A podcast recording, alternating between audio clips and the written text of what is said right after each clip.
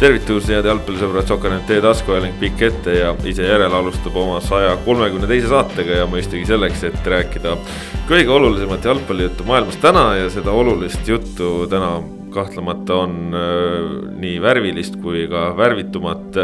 minu nimi Kaspar Ellissaar, täna siin minuga Kristjan Jaak Kangur. tere. ja Ott Järvel ka vastab tõele, tere päevast, kallid kuulajad.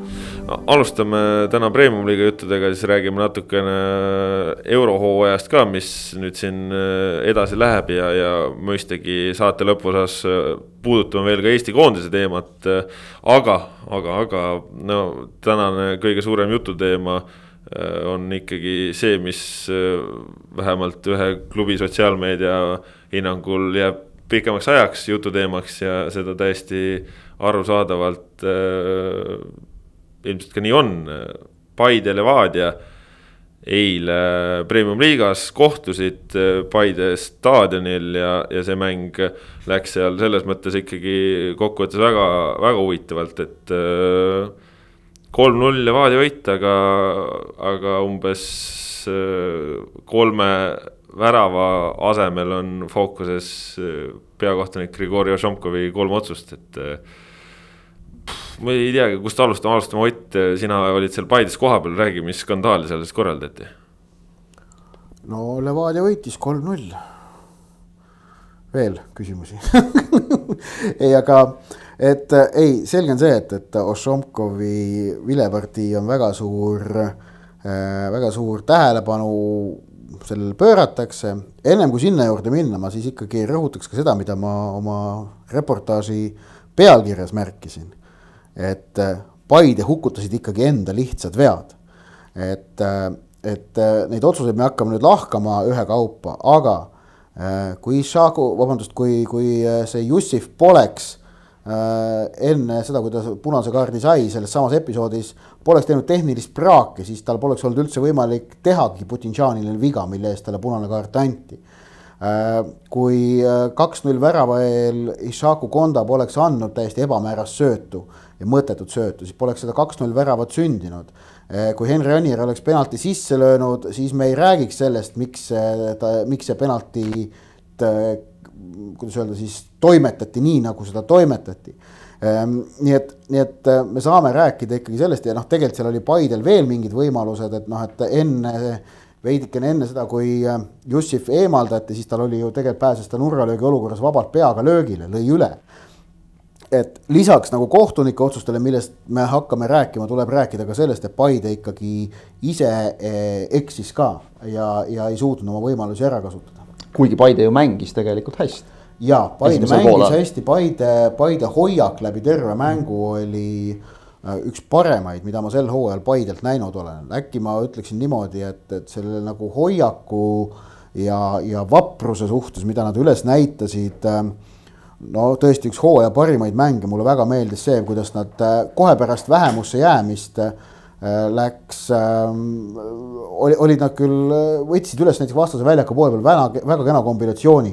julgelt mängiti kümnekesi sööduga enesekindlalt Levadia mehed igatepidi risti-rästi läbi.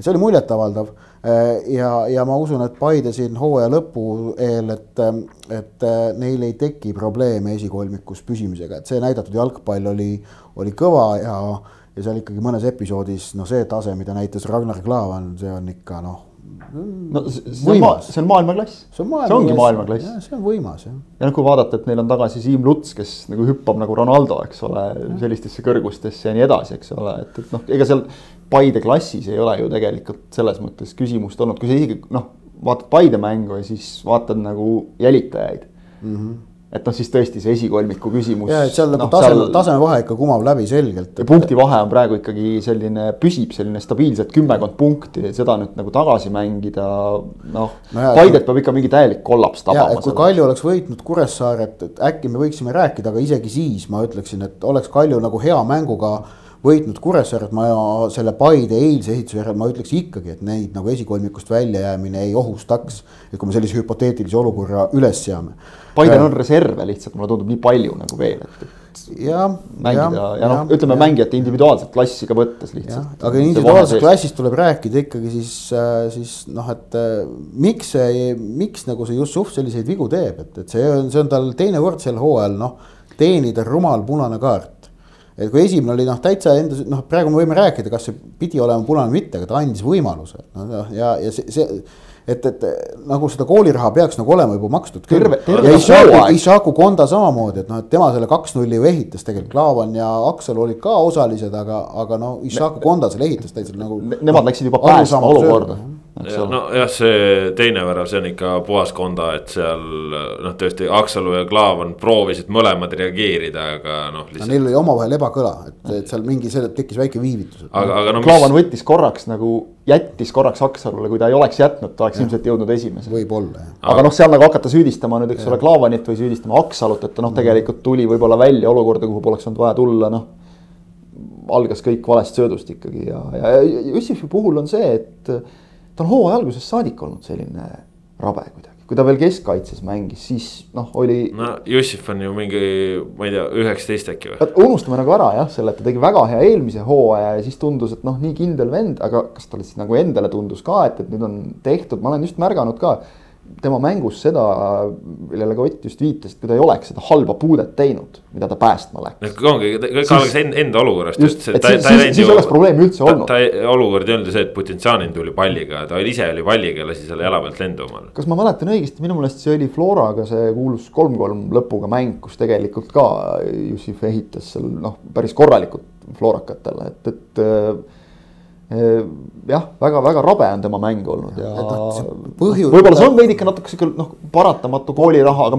hooaja lõikes nagu nii juba, palju ja nii pikalt, seda on palju natukene. see on, ta on juba üle aasta aja Paide mängija olnud, et see nagu, nagu, nagu Zahhovaiko ütles ka selle kaks-null värava kohta, et äh, ma nagu eeldan, et me oleme sellest välja kasvanud, aga noh, tuleb välja, et ei ole ja Jussifivi noh, prohmakad samamoodi et, et noh, see potentsiaal, miks nagu Paide on ta üldse enda võistkonda toonud, noh, me näeme seda, ta on tegelikult enamasti on ta tehniliselt osav, ta on füüsiliselt äh, liikuv ja nõnda edasi.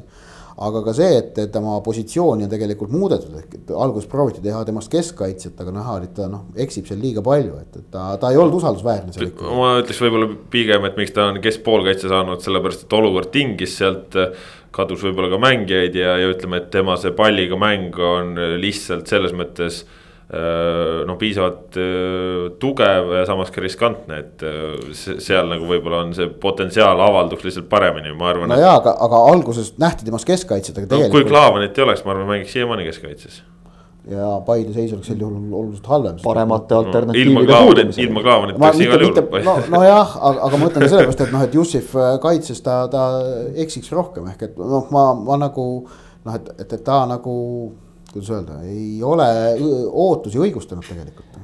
mulle nagu tundub, et kerge nagu keskendumise probleem, et noh, oskused on olemas aga kuidagi nagu ikka mängu jooksul ta nüüd viskab sisse selliseid hetki, kus tal on natuke pea laiali otsas ja, ja siis tulevadki sellised ebapuhtad puuted ja pead jälle päästma minema, aga neid olukordi on tegelikult ju veel olnud, kõik nad ei ole lihtsalt nagu veaga lõppenud, aga, aga, aga tuleb meelde küll, et just selliseid lohakusi no,. Neid on palju. aga mis, mis te arvate, punane kaart siis tundus õige, ma endale no ma, ma, ma ei, ma ütlen ausalt, ma ei ole nagu äh, stopp-kaader, stopp-kaadri haaval seda vaadanud, aga ma olen neid kordusi vaadanud ja nagu minu meelest tundus nagu natuke veider.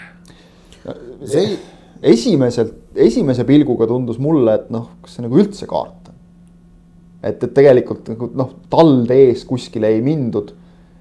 Noh, okei okay,, kollase võib anda, hiljaks jäi natukene seal, kontakt oli ka selge, noh, ilmselgelt oli Putintšanini jala pealt ju näha, et, et kontakt ei olnud suur, aga oli piisav, et jalg teha katki.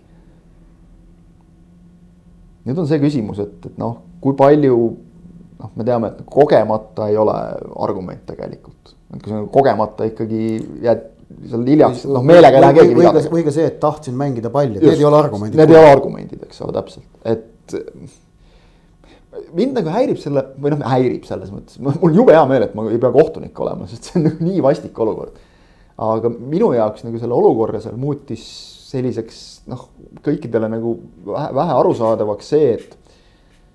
et ühelt poolt jah, on see argument, et noh, sa annad kollase ära selleks, et nagu esmane selline lärm ja kõik maha rahustada, see kohtuniku noh, üks suur probleem on alati see, kui sellised olukorrad leiavad aset täpselt pinkide ees. sest siis on kõiki noh, nägijaid ja arvajaid on miljon tükki. et noh, sa annad kollase selleks, et seda olukorda maha rahustada, siis sa räägid neljanda kohtunikuga, ükskõik kellega veel, eks ole, koht- kohtunikest võib-olla nägi äärekohtunik paremini. vaatad ka võib-olla vigastust näed, noh, sa näed ära, et mindi korkidega ikkagi saadi pihta. selle pealt sa saad teatud järeldusi teha, kuigi nagu öeldakse ka, et tegelikult ei tohiks nagu selle pealt anda ideaalis, aga, aga tegelikult samas see sulle ju näitab, et noh, see mängija jäi hiljaks, oli puude no,, on haav jala peal. selle kohta ütlen kohe vastu, et kui Howard Webb käis kaks tuhat üheksa siin PÖFFil äh, esinemas äh, seoses selle filmiga Kill the referee kus tema oli üks ju peategelasi, mis oli kaks tuhat kaheksa jalgpalli EM-ilt äh, üles filmitud. siis ta pidas äh, Eesti kohtunikele ühe loengu, kus, mida mul õnnestus siis niimoodi Chatham House'i reeglite alusel või midagi sellist, noh, ühesõnaga ma olin, ma sain ka seda kuulata. ja, ja seal ta näiteks ütles ka, et, et, et ikkagi, et äh, et äh, ja lõpuks on see, et, et kui sa näed, et jalaluu on katki, siis anna see punane ära, isegi kui sa ei näinud mitte midagi. ehk et tegelikult ikkagi Saad, tagajärgede põhjal ja. mingite järelduste tegemine ja mul on tunne, et Ožomkov seda siin, siin ka tegi, et ta nägi ilmselt verd. ma sain aru, et noh, et mulle Marko Savitš ütles pärast mängu mulle lahtisest haavast rääkis Putinžanini puhul, ma ise ei läinud vaatama, ma ei, olin väljaku teises otsas, ma ei näinud, on ju. aga ühesõnaga rääkis lahtisest haavast. Et, et kui see nii oli, et noh, kui see sokk oli seal verine, siis, siis noh, see mõjutab, eks ole aga, aga siin ongi nüüd see, et siis, siis jääb nagu paratamatult natuke see mulje, et noh, sa, sa lasid ennast nagu teisel võistkonnal ära rääkida. kuigi tegelikult see nagu noh, ei olnud nii. et see on nüüd see küsimus, et kas anda alguses see kollane ja siis pöörata ümber või oodata, kontrollida üle mängija tervis. mis on noh, tihti kohtunikele nagu esimene soovitus, eks ole, et, et sa jõuad neid kaarte anda. Rahusta kuidagi olukord maha kontrolli kõigepealt mängija tervise üle, lase arstid sinna, siis vestle teiste kohtunikega. teoorias jõle hea rääkida, istuda no, laua taga. kokkuvõttes eh, olukord. aga lihtsalt... kuidagi nagu see, see just see olukorra see Kom. komplekt kokku läks halvasti no.. ilus eestikeelne sõna nagu manageerimine et ühesõnaga selle olukorraga hakkama saamine kuidagi või selle ütleme noh, mingil määral kohtunike puhul millest tekivad tihtipeale need igasugused jauramised ja õiendamised, hea näide on kasvõi inglaste noh, variant otsuste nii-öelda mahamüümine mängijatele muidugi ennekõike. noh, telepublikule või vaatajatele sa ei pea, see, see pole sinu asi. aga väga halb, kui sellest hakkad lähtuma, aga mängijatele sa pead suutma nagu selle üheselt selgeks teha. miks sa midagi otsustasid ja minu meelest sellest jäi kui nüüd ette rutata ka järgmistes olukordades selles mängus nagu selgelt puudu no.. minu arvamus sellest olukorrast on, et äh, Jussif äh,, tähendab nagu ma kirjutasin ka, sirge jalg oli see, mis Jussifile saatuslikuks sai et kui sa lähed sirge jalaga niimoodi ülevalt alla vastase suunas, siis äh, oht, et sa võid no. sellest punase kaardi saada, on alati olemas. kas see otsus, kas see punane kaart oli nõutud? Äh, ma arvan, et mitte. kas see on äh, vale otsus, samuti mitte. Tuletan meelde, punase kaardi võib anda ka olukorras, kus mängija üldse vastasele pihta ei lähe. kui see on piisavalt ohtlik kohtuniku meelest, on see ikkagi punane kaart no samas see, mis ongi, et ülevalt alla tulev jalg, noh, see ju jalg tulebki ülevalt alla, et selles mõttes, et noh, oleks ta külje pealt tulnud, siis. Newtoni nagu... seadus on ju, õun kukub puhtalt alla, eks ole. balletisussides me ei mängi, et sahistaksid kõik mööda väljakut, eks ole, jalg maast ei tõuse nagu, et see noh no okei okay,, olgu sellega, kuidas on. natuke sa ütlesid just see, et, et nagu see, et, et noh, kaader kaadri haaval, et, et ütleme, kaader kaadri haaval võib sealt leida selle, aga noh, ma üldiselt mulle isiklikult see ei meeldi ja no ma tean, et jalgpallurid on ka jubedalt alati selle vastu, et noh. nii sa võid väga paljudest olukordadest leida ohtliku mängu, punase kaardi, mida iganes. leiabki jah. et kokkuvõttes see, see, see noh, oli, võib, võib aru saada väga hästi, miks Paidele tundus see otsus äärmiselt ebaõiglane erinevatel põhjustel, millest me oleme rääkinud. üks põhjustest oli ka see, et kümme minutit hiljem Putinšanin kõndis omal jalal ja polnud probleemi.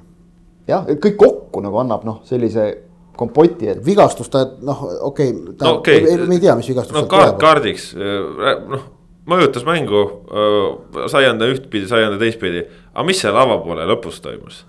no seal, seal oli siis, tähendab, esiteks, siin on mitu asja vaja nüüd, ma arvan, äh, eraldi nagu lahti seletada, et, et. Et esiteks see, et kas üldse niimoodi tohib teha, nagu Šomkov tegi. et öelda, et penaltilöök on viimane sündmus ja pärast seda on kohe poole vile. vastus on jah, tohib küll ma olen ise seda Eestis, ma vist ei ole näinud. ma küll pead ei anna, aga ma olen välisliigades seda asja enne näinud ja seda tehaksegi. et ongi selline käitumus, aga sealjuures siis alati on väga tähtis see, et kohtunik, nii palju kui noh, minu, minu arusaamist mööda teeb kõigile mängijatele sellega väga selgelt selgeks et selle penaltiga on mäng läbi või poolaeg läbi või noh. ja selle üks, kuidas see selgeks teha, on see, et sa juhid ülejäänud mängijad seal karistusala joone juurest minema, ikkagi noh. Lähed väga selgelt, räägid, näitad, teed neile selgeks, et teil ei ole mõtet isegi sinna sisse joosta. et te ei saa mitte midagi enam niikuinii mõjutada. Ja, ja see teeks koheselt selle asja, et nüüd on seis on selline kõigile selgeks nii mängijatele, nii treeneritele, ka publikule, samuti televaatajatele. see oleks olnud väga tähtis asi, mis jäi tegemata, ehk et põhimõtteliselt selliseks, selliseks käitumiseks on õigus. nüüd on tekitanud küsimus see, et aga, aga mängija pannakse niimoodi surve alla. jah, aga ütleme nii, et see on jällegi reeglitepärane ja vahest tuleb sellise survega hakkama saada, see on sport, et sellise surve alla sind pannakse. aga nüüd võtmekoht on see, et antud hetkel ei olnud põhjust seda kõike teha. see penalti ei määratud pärast lisaminutite täitumist, vaid enne seda ja ei olnud mitte mingit põhjust niimoodi talitada. ma ei ole nüüd kokku lugenud kõiki neid minuteid, mis seal avapoolel mäng seisis, mulle on öeldud, et tegelikult äh, Putinšani vigastusintsidendi seisak oli kolm pool minutit et äh, Peetsoni tohterdamine äh, ühes olukorras, kus tal seal kahekümne teise, kolmanda minuti kandis ta sai jala. vastu pead. vastu pead sai, et see võttis mingi aja ja Beglarashvili oli ka mingi aja nagu avapoolel siruli olnud, ehk et esiteks see, et kolm, kas no. kolm üleminutit oli üldse piisav. aga see on jällegi eraldi no,. seda me teame, et tegelikult kohtunikud noh ei löö niimoodi. aga see on ka veel eraldiseisev küsimus, aga põhiline asi on see et see penalti määrati kaheksa või üheksa sekundit enne kolme üleminuti täitumist, ma kontrollisin ära ka selle, kas ETV kell pandi õigel ajal tööle, pandi küll avavilega seoses, et seal nagu, seal nagu seda noh, lahknevust ei ole, vahest on see lahknevus äh,. aga nüüd, me teame nüüd, seda, et kohtunikud panevad enda käe peal käima enne, kui nad vilistavad. no siis aga nad peavad seda oskama arvestada, nad peavad oskama seda arvestada. et, et see kell, mis oli ekraanil, oli adekvaatne, see on nagu asi, mis ma tahan öelda ning, ning ja siis, ja see on oluline, et selle seda üleminutite täitumist määrata, sest et. et okei okay,, me praegu räägime sekunditest, aga kui me räägime minutitest, siis samamoodi üleaega ikkagi pikendatakse, oletame, et penalti määratakse esimesel üleminutil kolmest. kas mängu või poole lõpus vahet ei ole ja, aga selle penaltiga kaasneb noh, tõsine vigastus, mille ravimine võtab aega noh, kaks pool minutit siis ei ole niimoodi, et penaltiga on mäng läbi, vaid pärast seda penaltit kõik need ülejäänud üleaeg, mis oli ennem ülejäänud, mängitakse veel järele. ehk et see oli, tähendab Äh, sellele otsusele, äh, tähendab, kui Ožankov oli sellise otsuse vastu võtnud, nagu ta võttis, siis ta käitus muidugi protseduuriliselt õigesti. Äh, ka see, et kas Anier lõi enne või pärast vilet, ei ole üldse tähtis selle teise nagu palli sisse. sest et poolega on lõppenud siis, kui kohtunik on oma peas selle otsuse teinud, mitte siis, kui ta vilistab.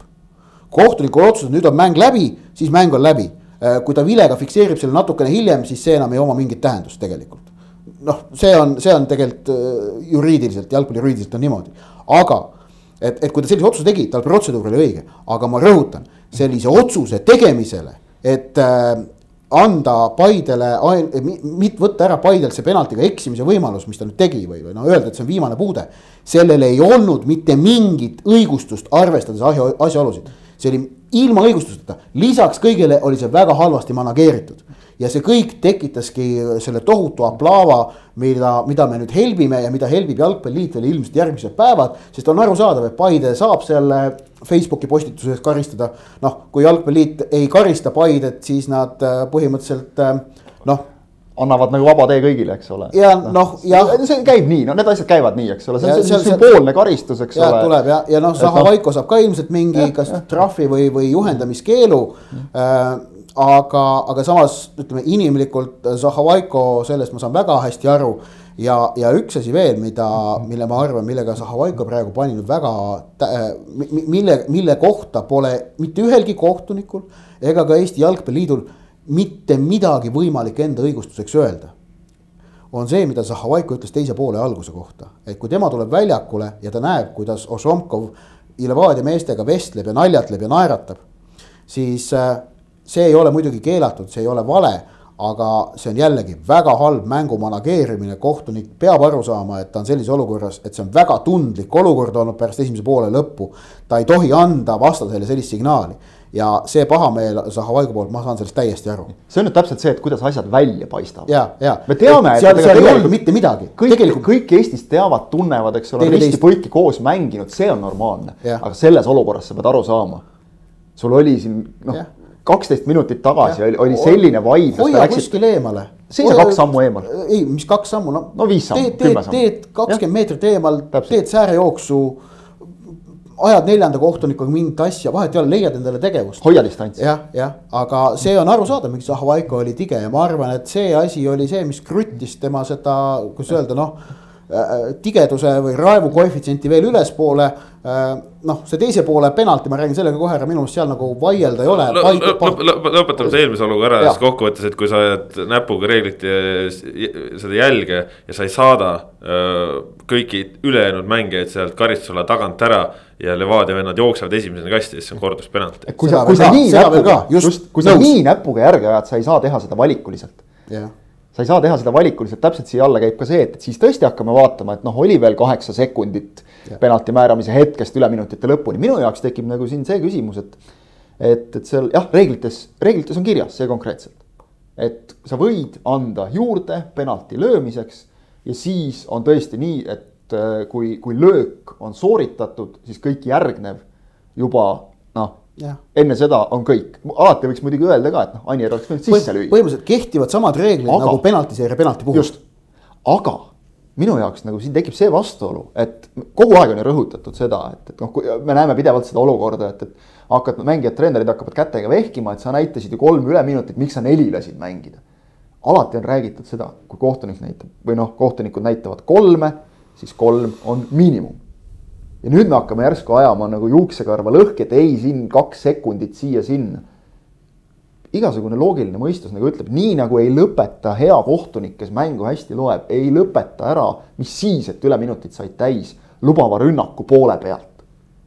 laseb mängida lõpuni, kui palju on seda vaieldud, eks ole, ja, alati on öeldud, lõpuks jääb see, et kohtuniku otsus. kohtuniku otsus, palju ta laseb sealt üle mängida, tema otsus nii ongi lihtsalt. Ja siin sa hakkad nüüd järsku nagu ajama seda, et minu meelest nagu selle, see reegel on, ütleme pigem sellist, vähemalt mulle kõrvaltvaatajana tundub, selliste olukordade jaoks nagu eelmisel hooajal Manchester Unitedi ja Brightoni mängus, kus lõpuvile anti ära, Varr vaatas eelnenud olukorra üle, leidis, et oli käega mäng, kui ma õigesti mäletan, või viga penalti ja siis selle jaoks on kohtunikele antud see võimalus, et sa võid anda või, või, selle, selle löögi võimaluse veel, aga siis on tõesti nii, et kas löök sisse või kõik. ja, või, või siis on, ütleme, ma, ma annan natuke pehmema versiooni ka, kus, kus see on nagu igati nagu loogiline on see, et noh, tegelikult ka, et, et äh, oletame, et on antud üks üleminut, see tiksub täis, samal mm -hmm. hetkel jõuab võistkond vastase karistusalasse mm. -hmm. ja siis noh, selge see, et sa ei lõpeta sellisel hetkel mängu, see on jalgpalli vaimuga seotud aga, aga vahest on selline, et karistusala juur, karistusala sees rünnak võib kesta kakskümmend sekundit. isegi kolmkümmend, noh, et ta lihtsalt keerleb siia-sinna, siia-sinna ja siis tuleb penalti. Ja siis sa ütled ka, et jaa. see on hea näide, see on väga hea näide samamoodi. nüüd oli nii, et Just. aeg sai täis kolmkümmend sekundit tagasi, arvestage, penaltit saate lüüa, mitte midagi pärast seda ei saa no.. oleks, oleks põhjendatud. aga praegu, praegu läks, praegu läks selline. aga kõige tähtsam, sa teed selle kõigile kurat selgeks. praegu läks selliseks konkreetselt juuksekarva poolitamiseks täiesti ja vot sellised asjad, need on nagu need jah näpuga järge ajades, täpselt nagu see punase kaardi olukord, et näpuga järge ajades võib leida noh, argumente. ei, aga mina väidan, et praegu selle penalti asja osas Pole ei, ei okay, ole argumente, ei ole argumente selle toetuseks ütleme, aga ja. mitte õigustamiseks. ja selle õigustamiseks, seal puudub igasugune õigustus ja see on koht, kus äh, peab järgnema vabandus. ja noh, ütleme, ongi kokkuvõte on ju, et kui sul ei ole alust, okei okay,, sa teed selle otsuse, noh, siis ongi, saada need ülejäänud mängijad sealt ära. Äh, sest ja kui sa ei saada ja vastane jookseb varem kasti, siis anna korduspenalti. just, just., udu. et jah, see läks küll ikka väga halvasti ja mis see viimane olukord ka siis kolmas, kolmas värav, see penalti. no seal on vist Ott on veendumusel, et oli penalti, minu, minu jaoks on see nagu jällegi see, et, et kui sa nagu noh, näpuga järge ajad, siis täpselt sel hetkel Edgar Turri küünarnukk oli kehast natuke eemal senti. sa võid öelda, et noh, siluetist väljas. minu meelest on see olukord on väga lihtne, et seal tähendab, ma, ma olen kuulnud Paide leerist arvamust, et pall ei tabanud üldse küünarnukki, vaid selga mina seda video pealt äh, ütleme niimoodi, ma, ma nagu. videonurga alt, ega sa ei näegi seda. ma ütleks, ma ütleks Aga- selle aga- järgi, ma ütleks selle järgi, kuhu pall põrkab, seljast ei küünarnukk. saa, ei, ei saa põrgata, minu see peab ka, olema küünarnukk. jah, minu meelest ka ja kui küünarnukk sellises olukorras on, siis see on penalti. ja, ja nüüd on küsimus see, et, et Eesti, jah, põhjus on see, et see on siluetist väljas ja see on välditav. See on välditav niimoodi, et mängija ei hüppa selge ees, kui sa hüppad selge ees plokki ja sul küünarnukk on siluetist väljas, see on risk, mille sa võtad. ja see on väga väike šanss, et see kätte maksab, praegu maksis lihtsalt. ehk et sa võid alati hüpata äh, seda tsenderist blokeerima äh, näoga palli poole, käed äh, rinna peal risti niimoodi, et noh, tegelikult sul ei ole siluett suurem ja, ja mingit ohtu penalti tekitamiseks ei no ole. samas see, see silueti teema tänasel päeval on selline, et väga paljudes olukordades ka siin võib-olla suvisel suurturniiril sellises asendis käsi ei oleks siluetist väljas. ta täiesti nagu seda keha liikumist arvestades täiesti loomulik, loomulik arvestame selle, minu, minu meelest selle penalti puhul, penalti määramise puhul tuleb ühte päris olulist asja arvestada. kui ei oleks eelnenud äh, Jussifi punast ja seda penalti, eelmist, seda Anieri penalti olukorda, siis see, sellest olukorrast penalti määramine ei pä- pälviks üldse nii palju tähelepanu. praegu ta oli lihtsalt noh, kolmas olukord ka veel, ka meie vastu ja täiesti loomulik reaktsioon. et noh, kolm, kolm sellist ütleme siis äh, parimal juhul nagu vaieldavat või siis lausa nagu valesti lahendatud olukorda. ja, ja kõik kolm läksid noh, otsus läks Paide vastu. Et selle tõttu see minu meelest võimendub. Muidu, muidu oleks see täpselt selline, et okei okay,, noh, kohtuniku otsus, et, et üks näeb seal kätt, peab seda piisavaks, teine ei pea, kes kuidas hindab, aga, aga ma arvan, et, et noh, muidu, muidu see ei pälviks nii suurt tähelepanu. ei no kindlasti ei pälviks jah, kindlasti ei pälviks, aga noh, nii palju sellest äh, läks, kuidas läks ja, ja siin seda, seda suppi saab nüüd äh, helpida mitu osapoolt ja, ja noh. Võtame siis ikka selle tagajärje ka, et Levadiast me ei ole üldse rääkinud, aga, aga noh, Levadia tegi jällegi tulemuse ära. ehk et kahekümne kahest mängust üheksateist võitu, kümme võitu järjest äh, ei ole endale lubatud koperdamisi tulemuste mõttes, kuigi mänguliselt asi minu meelest endiselt ei ole väga kindel, noh, ta ikkagi logiseb, logiseb siit ja logiseb sealt, aga logiseb piisavalt vähe, et tulemused on kodumeestel meistrivõistlustel. On oluline. just, just. kaugel, et kaugel ideaalist, eks ole, nagu me ütleme alati, et, et hea meeskond on see, kes ka halval päeval teeb tulemuse ja, ära. ja minu meelest ka, et Levadia ei ole veel praegu, nad nagu ei mängi oma võimete piiril. et nad, nad teevad selles mängus on liiga palju ebakõlasid, et öelda selle kohta nagu äh, mis on loogiline, arvestades nagu hooaja sees toimunud koosseisu muudatusi, ja, erinevaid ja, asju. Et selle pealt annab veel paremaks minna kõvasti. just, just, just. ja ütleme, et noh, nende kõige valusam nähvakas, mille nad said euromängus, tuligi ju ikkagi teatud määral noh, selle kokkumängu mingite ebakõlade pealt, et, et. et kui, kui tahaks nagu soovida Levadiale, et kui nad selle tiitli ära võtavad, et noh, hoidke nüüd üks aasta nagu punti koos ka, et, et te saate nagu nii palju sealt veel tegelikult teha selle, selle materjaliga. Jah, noh, oli kuidas oli, saame näha, kuidas see edasi läheb, Levadia tiitlišansid on igatahes nüüd äh, selles mõttes endiselt äh, väga kõrged. ja Paide omad nüüd äh, kahanesid märgatavalt.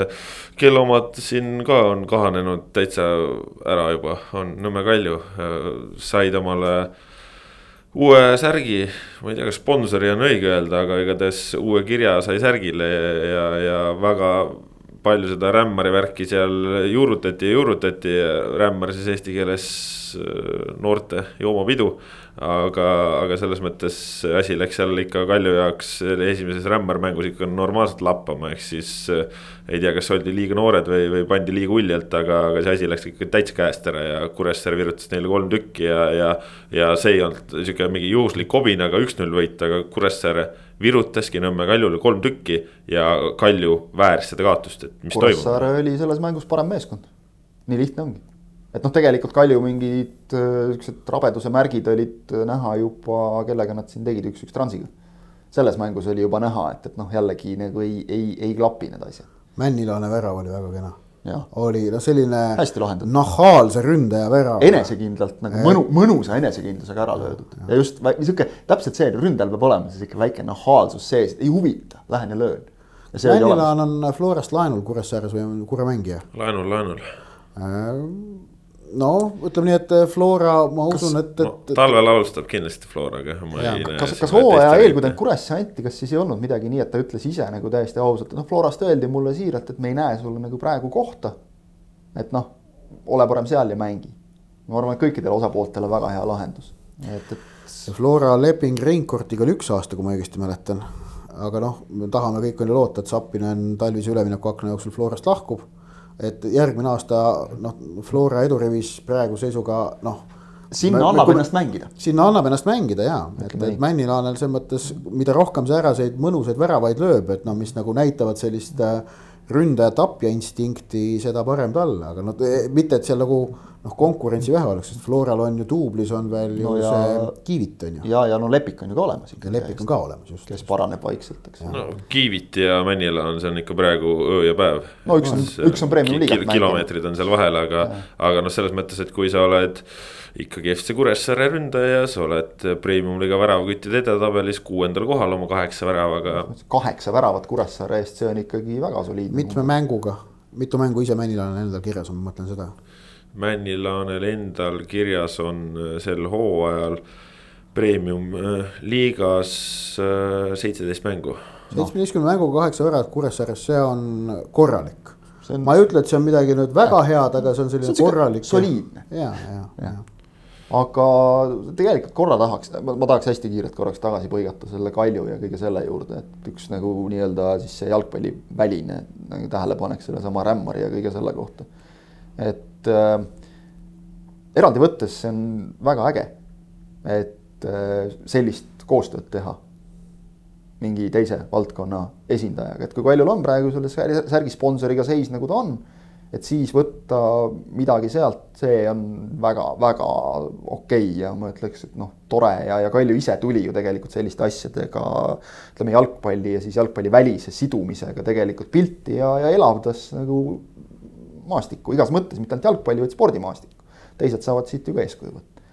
nüüd küsimus on selles, et, et kui sul on endal nagu konkreetselt olnud klubis äh, ikkagi klubiga nagu väga selgelt seotud, mis iganes rollides inimestel on olnud nagu probleeme, probleeme narkoäriga, probleeme ütleme siis noh, kohtus süüdi mõistetud nagu ikkagi lõbumajapidamisega äh, probleeme on, on olnud siin nüüd hilisemaid veel igaks juhuks sõnastan väga täpselt, et mitte mingit kirja saada kelleltki. ütleme, probleeme on olnud veel, kõik teavad, millest me siin Getulio puhul räägime, eks ole. et kas see on nüüd nagu see asi, see, see rämmar, et millega sa tahad nagu siduda? sest ütleme nii, et noh, ma, ma ise ei viibinud kahjuks sellel mängul, aga, aga noh, seda oli ka nagu ülekandest teatud määral kuulda ja, ja kohal viibinud inimeste puhul ka, et, et, et mis, mis lugudel ja, ja mis, mis muusikal te lasete nagu täiel häälel üle staadioni kõlaritest kõlada, et mis, mis tekst sealt Äh, sealt täpselt tuleb. tahaks öelda, et ansambel Viis Miinust on suurepärane kultuurinähtus Eestis. ja see, see, et nende muusika sisaldab ka roppesõnu, see on täiesti okei okay.. muusikat, kus sellist asja tehakse, on igal pool maailmas ja see on kultuuri normaalne osa ja. ja Viis Miinus esines ka tänavusel äh, vabariigi aastapäeva kontserdil ja sobis sinna noh, noh hiilgavalt. ma täielikult nautisin seda, kuidas ma arvasin, mingisugused äh, nõmedad konservatiivid selle peale on ju visplisse läksid, et, et Viis Miinust seal räppis.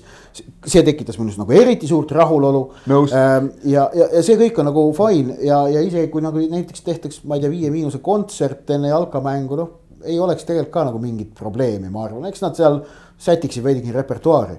aga jah, see, ma, ma lihtsalt räägin ära, mis mul nagu endal on seos sõnaga rämmar on, et mina selle sõnaga sain tuttavaks aastal kaks tuhat seitseteist ma nagu ei teadnud seda, ma ei olnud ka Viiest Miinusest suurt midagi nagu varem kuulnud, oli nagu radarilt läbi läinud, üks kolleeg, noorem kolleeg, aga kuulas seda ja ümises seal kogu aeg, et teeme su dissidest riivud ja nõnda edasi.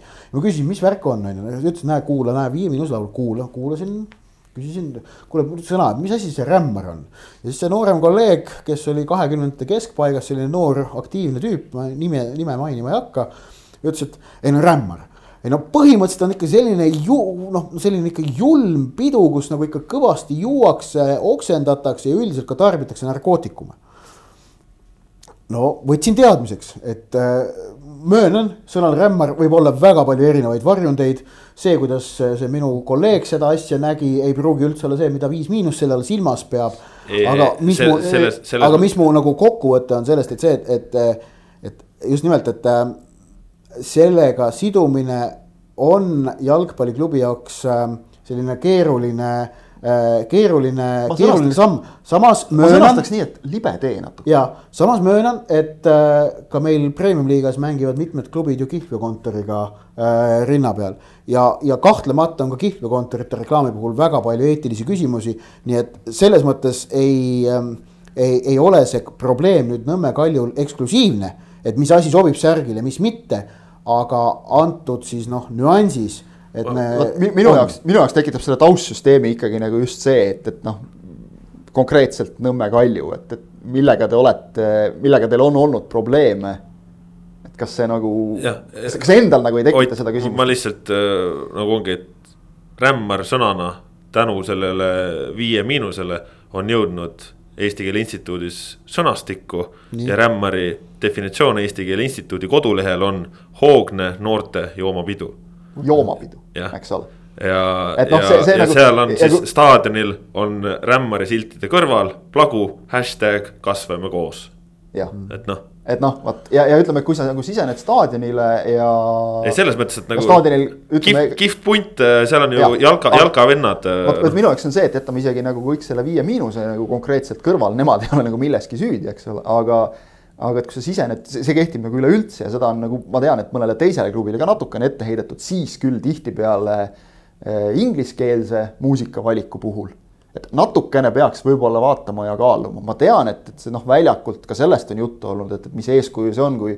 kui väljakul ka, eks ole, kasutatakse sõna, mis kangesti meenutab kaunist Eesti linna nimega Türi et, et kas noh, peaks nagu sellised sõnad lendama, aga vot ütleme niimoodi, et noh mänguolukord mänguolukord ja sport, see on nagu üks asi. teine, et sa ikkagi playlist'i koostades sa saad nagu väga selgelt valida, mida sa sinna paned ja sa tõid Ott enne väga hea näite. et kui Viis Miinust läheb esinema äh, vabariigi aastapäeval, siis ta kohendab natuke oma repertuaari paar sõna seal kah- eks ole see, see on nagu tehtud. Et, et äh, Aga- aga- mi- aga- ma aga- ütlen ausalt, minu jaoks see nagu on, on veidikene see, et äh, maitsed on erinevad, aga natuke üle piiri. samas ma, ma nüüd ei taha, vaata inglise keeles on selline hea termin nagu nanny state või see lapsehoidja riik on ju, et, et ma nagu ei, ei taha kindlasti sellesse laskuda, et.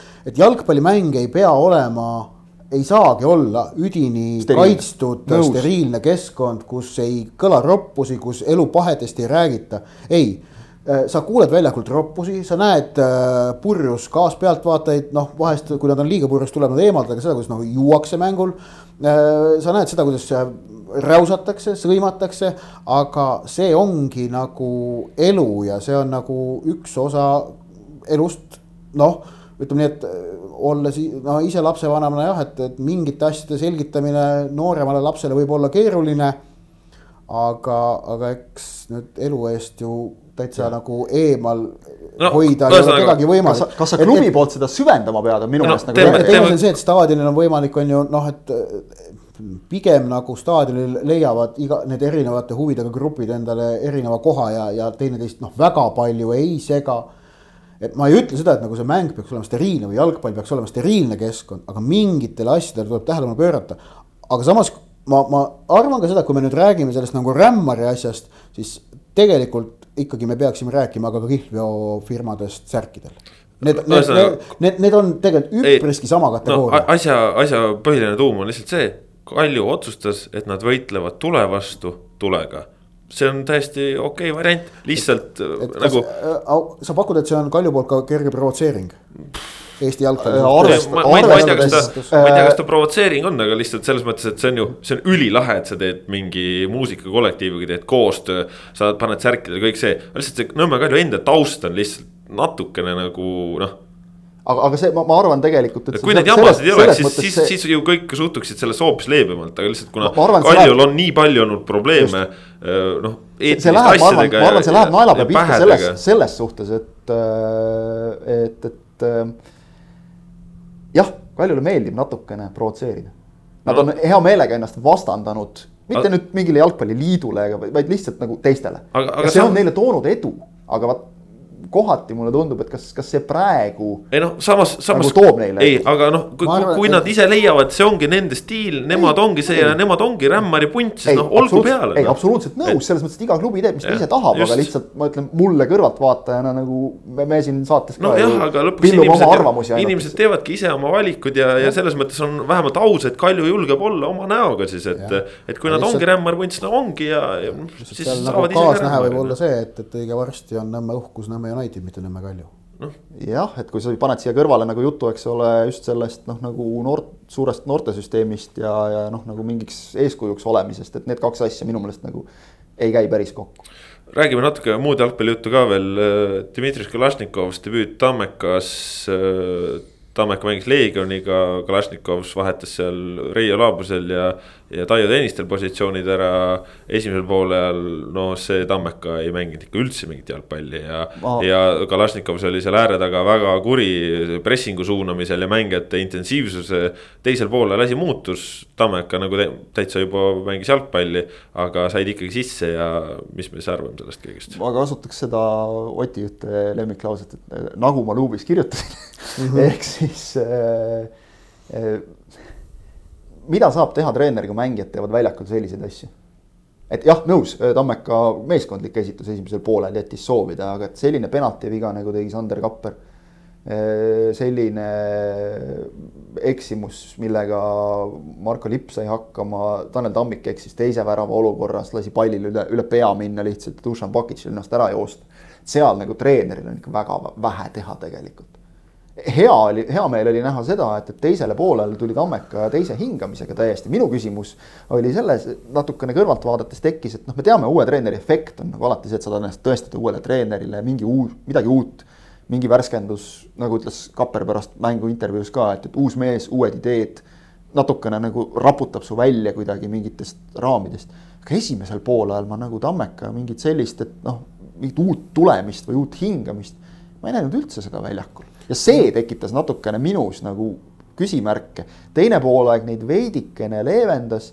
ütleme, oleks Tammeka näiteks, see oli õhus, oleks need jõudnud kaks kaheni enne lipu väga ränka eksimust ja noh, kingitud kolmandat väravat, mis nagu mängu ära otsustas lõplikult.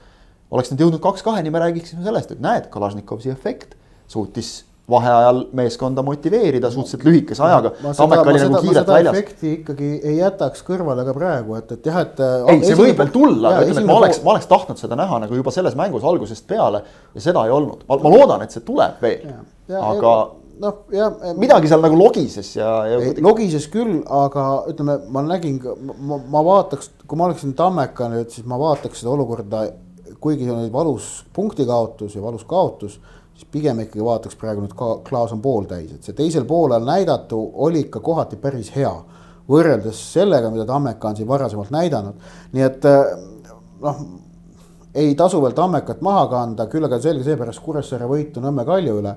et, eh, et Tammeka ja Vaprus on need, ma usun, suht kindlasti need kaks, kes selgitavad selle, kes viimaseks jääb ja välja langeb, et, et Kuressaare viimaseks langemist ausalt öelda on päris keeruline näha, see punktivahe on niivõrd, niivõrd äh, selge juba ikkagi. ja kelle jaoks on ka elu nüüd äh, väga palju kindlam, on äh, Narva Trans, kes on nüüd ka ikkagi väga kinni oma kuuendas kohas, sest Viljandi tulevikuga mängiti üks väga aeglane ja uimane jalgpallikohtumine, mis õnnestus viimasel üleminutil vahetusmehe Kololovjovi väravast võita, nii et Trans edestab nüüd tulevikku viie punktiga, on ühe mängu vähem pidanud ja, ja see noh, ütleme, et noh, Kuressaarel on ka nüüd Transiga vahe kaheksa punkti on ju, et see, see, see vahe on selles mõttes suur, muidugi noh.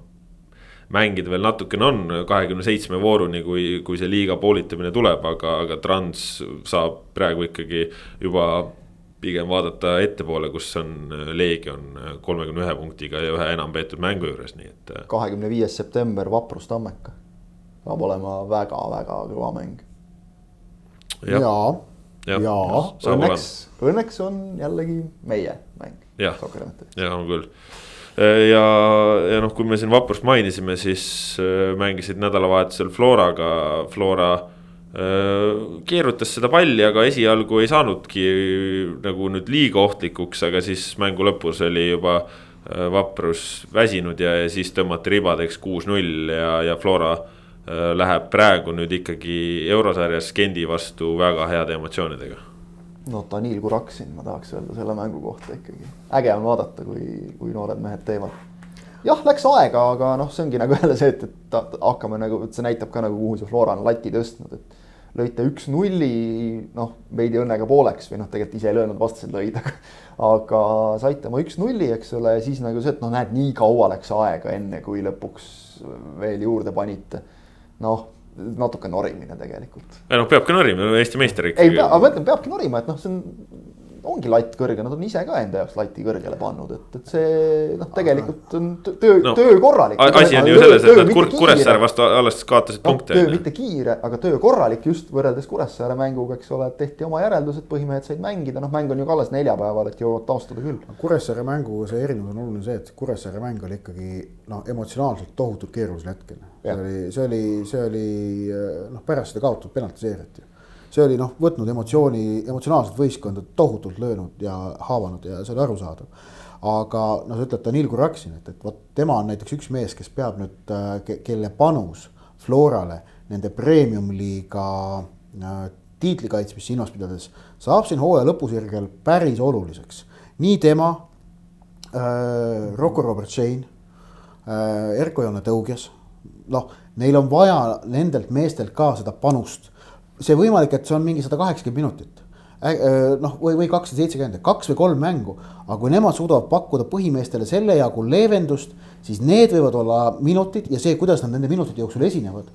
see, mis määrab, kas Floral õnnestub tiitli kaitsmine noh, sinna detsembrisse, detsembriks veel elus hoida või mitte. sest noh, Levadial on pidada umbes kaks korda vähem kohtumisi sel hooajal kui Floral, tuletan meelde Floral on pidamata Premium-liigas kolmteist mängu, Euroopa liig-, konverentsiliigas kuus mängu, karikasarjas kaks mängu, kakskümmend üks matši. Levadial Premium-liigas kümme mängu ja karikas vist üks või kaks.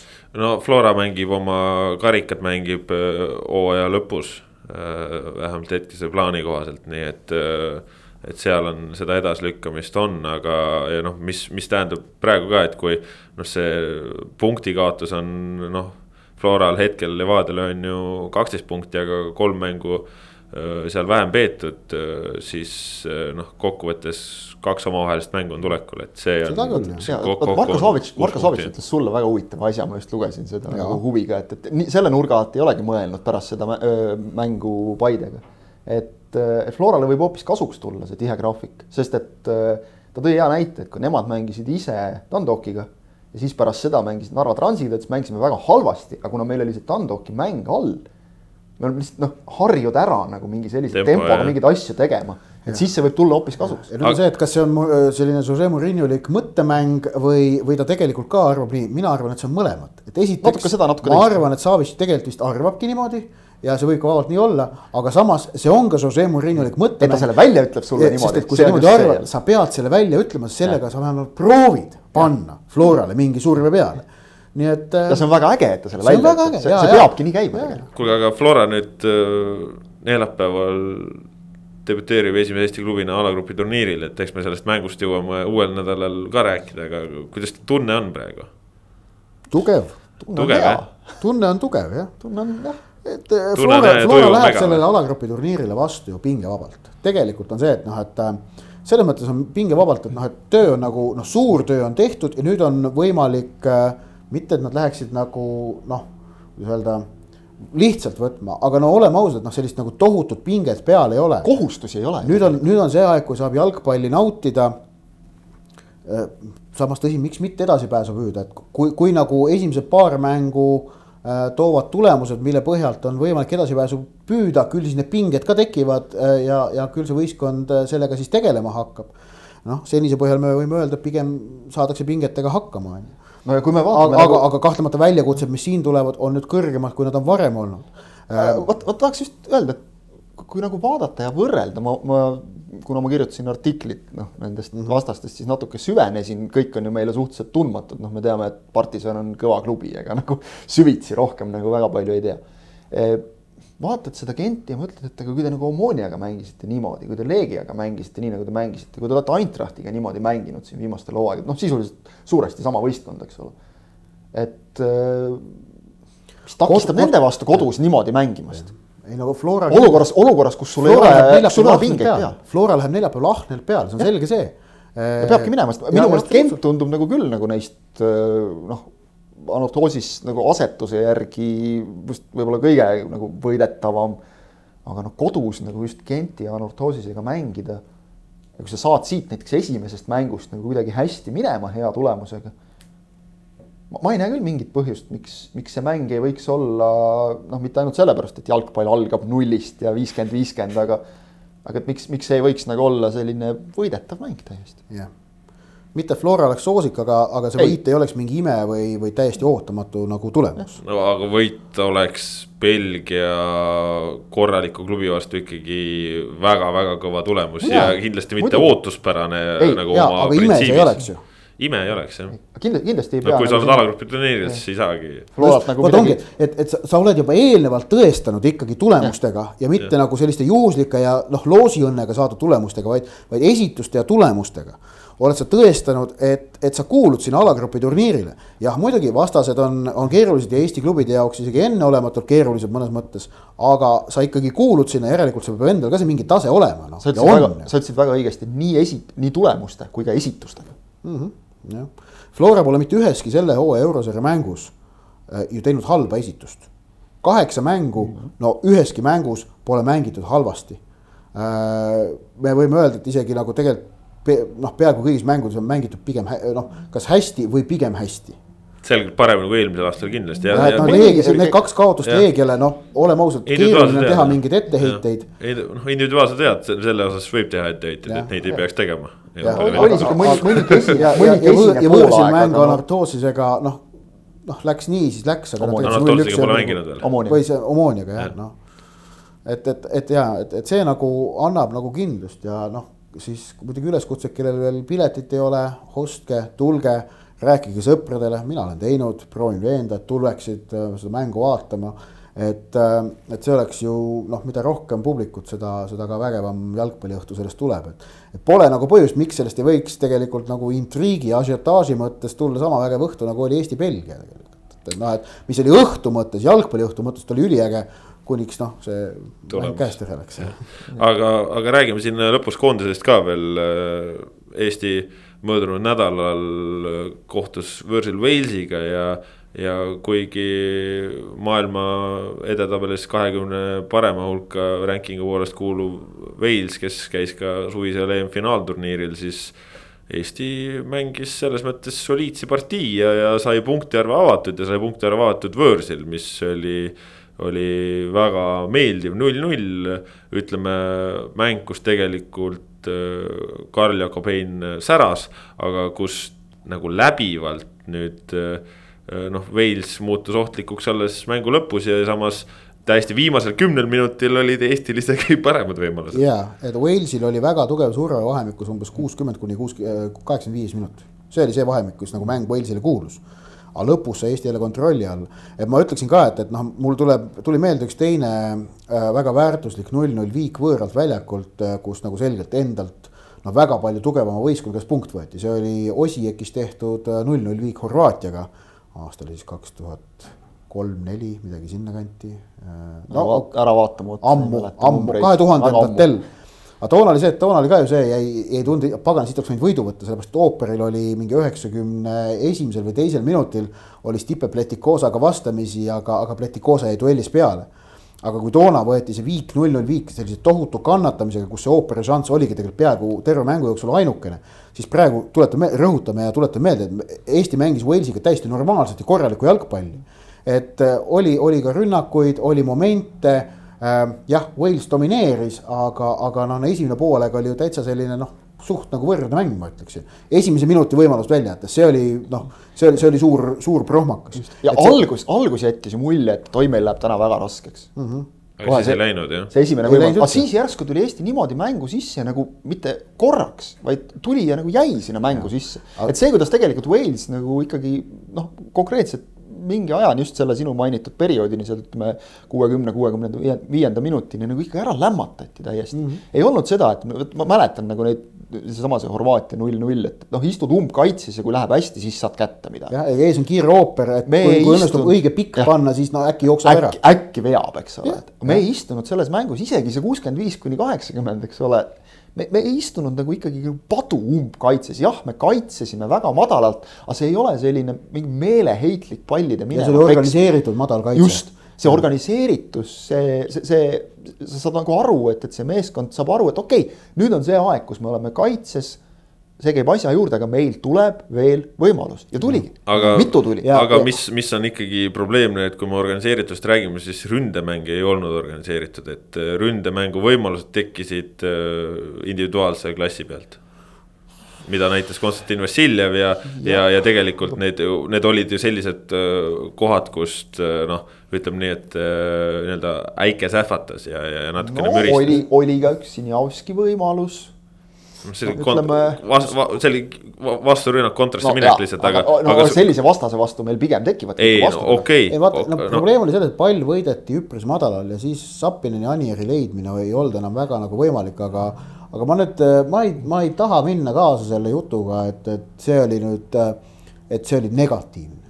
ma ei näe selles esituses ega mängus mitte midagi negatiivset ma, ma jälestan seda jonnimist, mida ma siin kuskil ringkondades kuulen.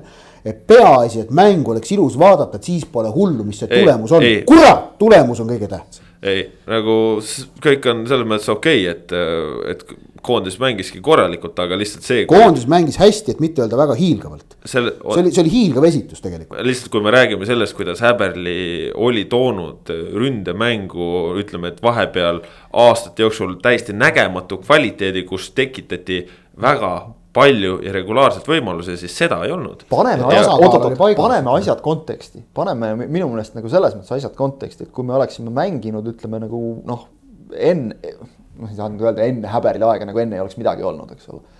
aga meenutades seda Oti kirjeldatud aega.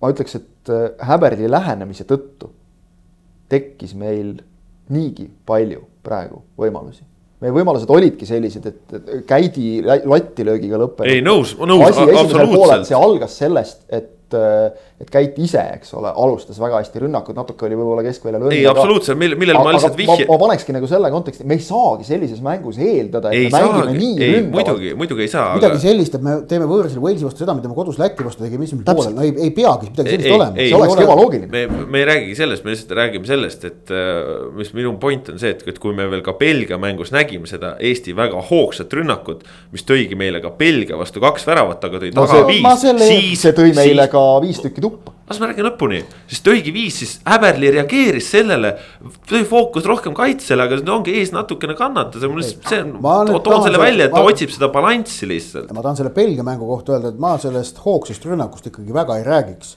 Eesti hoogne rünnak avaldus pärast seda, kui Belgia oli viis tükki ära löönud, teinud väga selged nende mängu ära lõhkunud vahetused.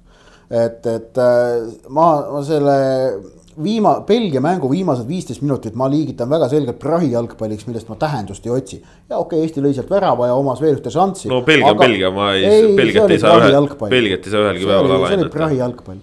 Äh, mis nüüd, aga nüüd rääkides sellest, et mis oli see võtmenüanss, miks nagu mäng Walesi vastu oli parem ja mille poolest mäng Walesi vastu erines mängust Belgia vastu ja, ja Põhja-Iirimaa seal vahepeal oli ka tegelikult samm edasi, et noh, see Põhja-Iirimaa mäng, noh, nagu ma ütlesin, minu meelest oli hea, et esitus oli hea, tulemus halb, noh, juhtub. Õnneks maavõistlus et äh, see oli siis vastasele avaldatud äh, isiklik surve, et see oli palju paremini ajastatud, see on asi, mida Konstantin Vassiljev märkis tegelikult enne, enne ju Walesi mängu või, seal nende mängude vahepeal kuskil ta märkis.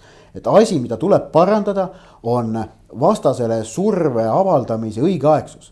ja, ja kui sa suudad õigeaegselt sellele vastasele üks-üks survet avaldada siis ta annab mitte nii hea söödu, vaid kehvema kvaliteediga söödu kaaslasele või peab mängima tagasi no,. või äkki isegi kaotab palli. olgem ausad, see Walesi see League Two vend, see ikka ei saanud midagi aru, kui ta vahetas, siis tal ikka kõik söödud olid lappes, et see tegi ka lihtsamaks. jah, aga, aga, aga, aga jällegi Eesti pressing oli. oligi hea ka. oli, oli õigeaegselt. see, see andis pöör... võimaluse mängus nõus, sees olla. ja, ja võttis meil Walesilt tempolt maha vaata. ärme unustame ühte asja ka ära, on ikkagi see, et, Häberli oma selle noh, kuidas iganes keegi soovib kolmese või viiese liini kasutamisega. Eh, Flora ei mängi, sellise liini, noh üliharva on seda katsetanud, eks ole. paljud mehed on meil Florast. välisklubides väga vähesed mehed on meil harjunud sellises, noh, me ei saa Baskotšist rääkida, et ta on harjunud sellises liinis mängima, eks ole. et äh, sellel tasemel vähemalt, et, äh, et see võtab ju ka mingi, mingi oma osa natukene. et seda kõike arvestades nagu Eesti noh, kokkumäng ja selle tasakaalu otsimine tegelikult on loogiline, et see tasakaal saadi võib-olla kõige paremini paika just nimelt kolmandas mängus.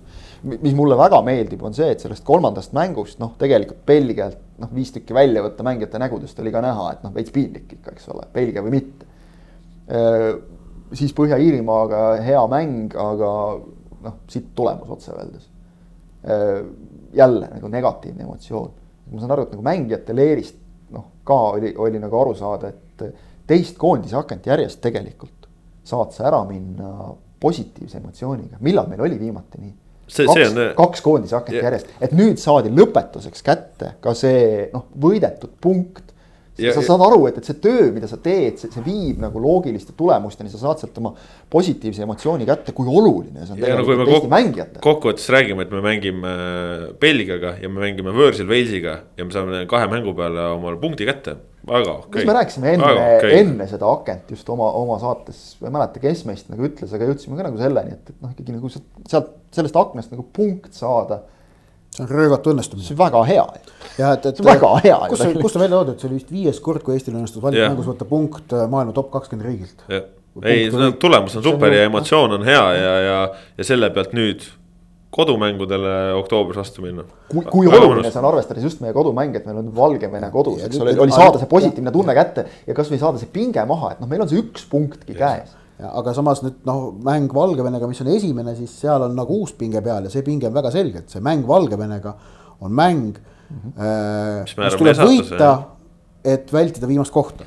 ma endiselt ütlen muidugi, et noh, et kui Eesti jääb ka selles valikgrupis viimaseks, see ei ole nüüd tingimata, see ei ole katastroof, sest me. no keegi ole, ei taha seda lihtsalt. keegi ei taha, jah. see on pettumus, aga ta ei ole katastroof. jah, sest et me oleme sealt, noh, asetus ongi viimane, on ju. aga, aga jah, aga nüüd on see asi, nüüd on teistsugune ootus, et sa pead minema valikmängus võitma ja no see on selge see, et see võistkond eeldab iseendalt võitu, publik eeldab võitu, treener, kõik, kõik eeldab võitu, see on väga selge olukord ja see on nüüd uus olukord ja seda on huvitav näha, kuidas siis hakkama saadakse. see on, see on mõnusalt põnev aga seda põnevuses jäämegi ootama, koondis tuleb tagasi oktoobris. ja siis homme hommikul lugege minu pikka intervjuud Toomas Häberliga, mis on, mis on tehtud ja mida ma praegu kirjutan. just no.. praegu ei kirjuta, praegu sa istud käed rinnal risti. jah no selline oli pikk etteheise järele saja kolmekümne teine saade. mingi meistrite liigat hakatakse ka mängima, et vaadake seda ka. ja noh, see käib siin kaasas sellega, et Flora mängib euromänge ja kõike muud, nii et jalgpalli rahvusvahelist, kodumaist kõike on ja. ja kindlasti neljapäeval Flora Gent mänguks, tulge staadionile. sest see on Eesti jalgpalli ajaloos ikkagi ajalooline sündmus ja kindlasti Eesti jalgpall vajab seda tuge ja, ja üheskoos on kõik võimalik, nii et. kasvame koos. kasvame koos. saate tõid teieni isikud, keda on juba mainitud ka, Elisser, Kangur, Järvela, olge terved. teha, tehke kõik, et sügis oleks kaunis, adjöö. konarlik on sul täna saate lõpetamine, Elisser. no sellepärast lõpetamegi ära, et oli konarlik jah, adjöö